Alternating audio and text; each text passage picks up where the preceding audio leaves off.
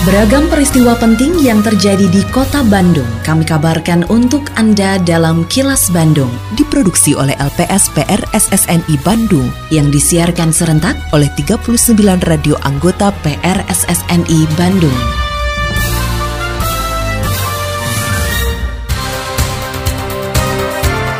Sejumlah informasi aktual kami hadirkan untuk Anda dan inilah informasi utamanya. DPRD Kota Bandung minta pemerintah kota pastikan ketersediaan dan harga beras. Pers harus jadi penyeimbang informasi. Masalah kredit macet petani milenial sudah diselesaikan. Saya Santika Sari Sumantri, inilah kilas Bandung selengkapnya. Pemerintah Kota Bandung kembali menghadirkan ruang publik baru untuk dimanfaatkan oleh masyarakat, yaitu ruang edukasi terakota yang berada di Jalan Budi Indah, Kecamatan Cidadap. Taman tersebut merupakan taman tematik edukasi pertama di Kota Bandung. Taman bisa digunakan masyarakat, khususnya para pelajar untuk belajar di ruang terbuka. Saat meresmikan ruang edukasi terakota, Wali Kota Bandung Yana Mulyana mengatakan sarana tersebut bisa digunakan sebagai tempat belajar para siswa di luar kelas. Selain itu, ruang edukasi terakota juga menjadi daerah resapan air untuk mengurangi dampak banjir dan menambah debit air di daerah Gedong Cai. Yana berharap hadirnya ruang edukasi terakota bisa meningkatkan indeks kebahagiaan masyarakat kota Bandung sekaligus fungsi pelestarian. Oleh karenanya warga diharapkan ikut memelihara dan menjaga keberadaannya. Pemerintah kota Bandung menghadirkan kembali ruang publik di wilayah Cidadap ini dengan tema Taman Edukasi Terakota. Jadi tempat ini sebagai ruang publik bisa digunakan untuk siswa-siswi melakukan kegiatan di luar kelas dan tentunya pemerintah Kota Bandung berharap tempat ini bisa digunakan secara maksimal dan yang paling penting juga dipelihara dengan baik oleh semua termasuk oleh warga masyarakat sehingga mudah-mudahan tadi ruang publik ini juga bisa termanfaatkan selain sebagai ruang edukasi tadi juga sebagai ruang resapan air. Pers harus menjadi penyeimbang informasi di era digital. Dengan banyaknya informasi yang belum tentu kebenarannya, pers harus menjadi media pelurus informasi yang benar dengan menggunakan kaidah jurnalistiknya. Hal tersebut disampaikan Wali Kota Bandung Yana Mulyana terkait peringatan Hari Pers Nasional atau HPN yang jatuh pada 9 Februari besok. Yana mengatakan masyarakat mempunyai hak mendapatkan informasi yang benar dan berimbang dan itu hanya bisa disuguhkan oleh pers. Peringatan HPN 2023 tingkat nasional digelar di Kota Medan, Sumatera Utara dengan tema Pers Merdeka Demokrasi Bermartabat. Masyarakat itu diinikan dengan media internet lah ya dan itu berseliweran hoax lah. Fungsi pers itu sebetulnya bisa memberikan berita yang baik yang sudah terverifikasi lah ya ke masyarakat. Jadi tugas pers itu justru sangat penting tadi untuk memberikan berita yang sudah divalidasi lah gitu ya, memberikan informasi ya yang informatif gitu ya, yang baik, yang apa ya, ya bukan penyejukan lah sebenarnya yang ya yang lebih inilah gitu ya, edukatif gitu ya.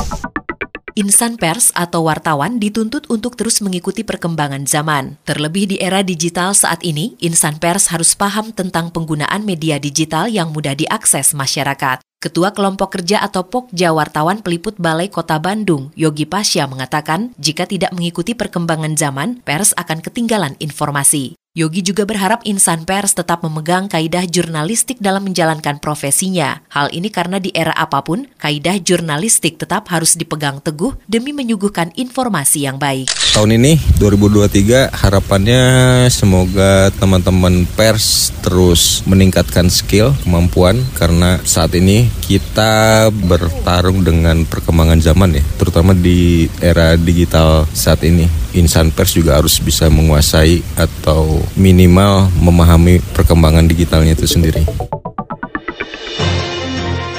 Suara DPRD Kota Bandung. Pemerintah Kota Bandung mengklaim ketahanan pangan terutama ketersediaan beras aman hingga tiga bulan ke depan. Meski begitu, anggota DPRD Kota Bandung, Nunung Nurasiah, meminta perlunya pengawasan untuk memastikan ketahanan pangan dalam kondisi tersedia dan aman. Pasalnya masih ada beras medium dari Bulog yang dijual di supermarket besar, namun di pasar rakyat atau pasar tradisional justru sulit dicari. Sedangkan mengenai kenaikan harga beras saat ini, menurut politisi Partai Gerindra ini, DPRD Kota Bandung sudah menggelar rapat dengan dinas terkait untuk menindaklanjuti harga beras medium di pasaran yang dijual melebihi harga eceran tertinggi atau HET. Nunung mengatakan pihaknya meminta pemerintah kota Bandung harus cepat mengatasi persoalan kelangkaan maupun kenaikan harga beras, antara lain dengan pengadaan beras sebagai cadangan pangan pemerintah daerah, juga memantau dan memastikan pendistribusiannya. Selain itu bekerja sama dengan daerah penghasil beras, serta melakukan pengawasan untuk mengantisipasi penimbunan. Kalau saya mencermati keadaan tersebut, maka pemerintah Kota Bandung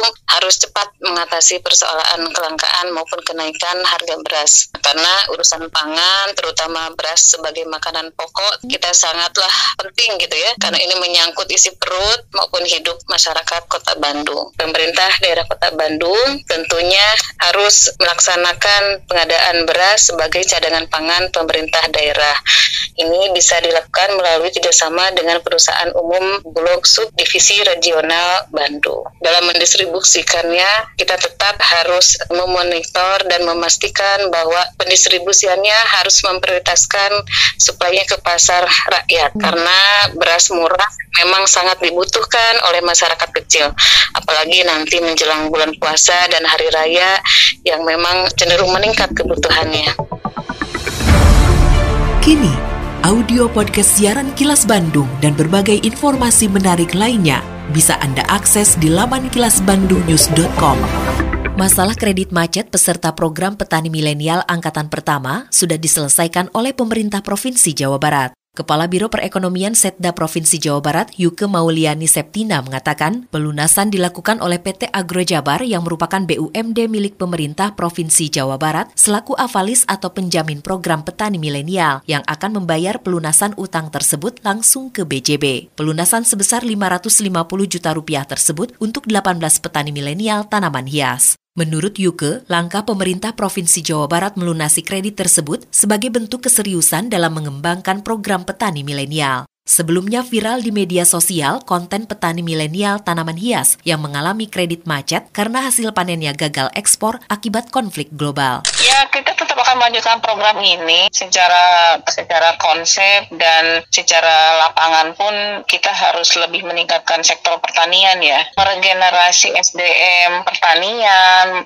um, mempertahankan ketahanan pangan Jawa Barat itu jauh lebih penting. Uh, ino, ini bentuk inovasi baru sehingga kalaupun toh ada masalah, ya nama juga tahun pertama gitu ya, kita pun uh, masih mencari bentuk yang lebih baik lagi. Nah, dengan ada kejadian seperti ini ya kita harus mengevaluasi dari semua aspek lah sehingga nanti bisa berjalan lebih baik lagi.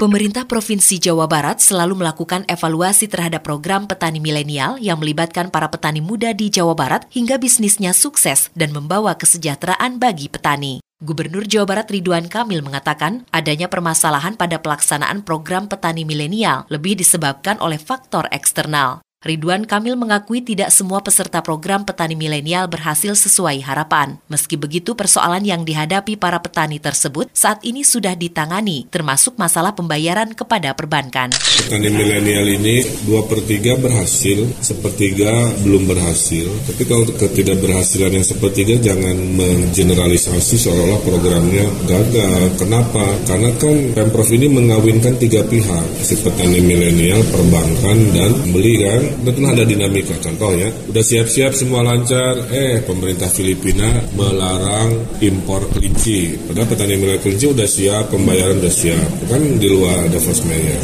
Terus yang petani hias itu karena ada masalah di perang Rusianya. Bukan kita menelantarkan apa, dinamika itu selalu ada. Dan kita bereskan juga dengan meminta Bank BJB untuk lebih fleksibel ya dalam urusan penagihan pembayaran. Petani milenial nggak semua bankable, makanya di dikasih bantuannya melalui pintu pihak ketiga. Jadi yang bermasalah-masalah sedang dibantu penyelesaian secara proporsional. Tetap patuhi protokol kesehatan sebagai kebiasaan baru dalam berbagai aktivitas karena pandemi COVID-19 belum usai. Dapatkan dosis vaksin COVID-19 secara lengkap untuk meningkatkan antibodi dan efektivitas vaksin di dalam tubuh. Terima kasih Anda telah menyimak kilas Bandung yang diproduksi oleh LPSPR SSNI Bandung.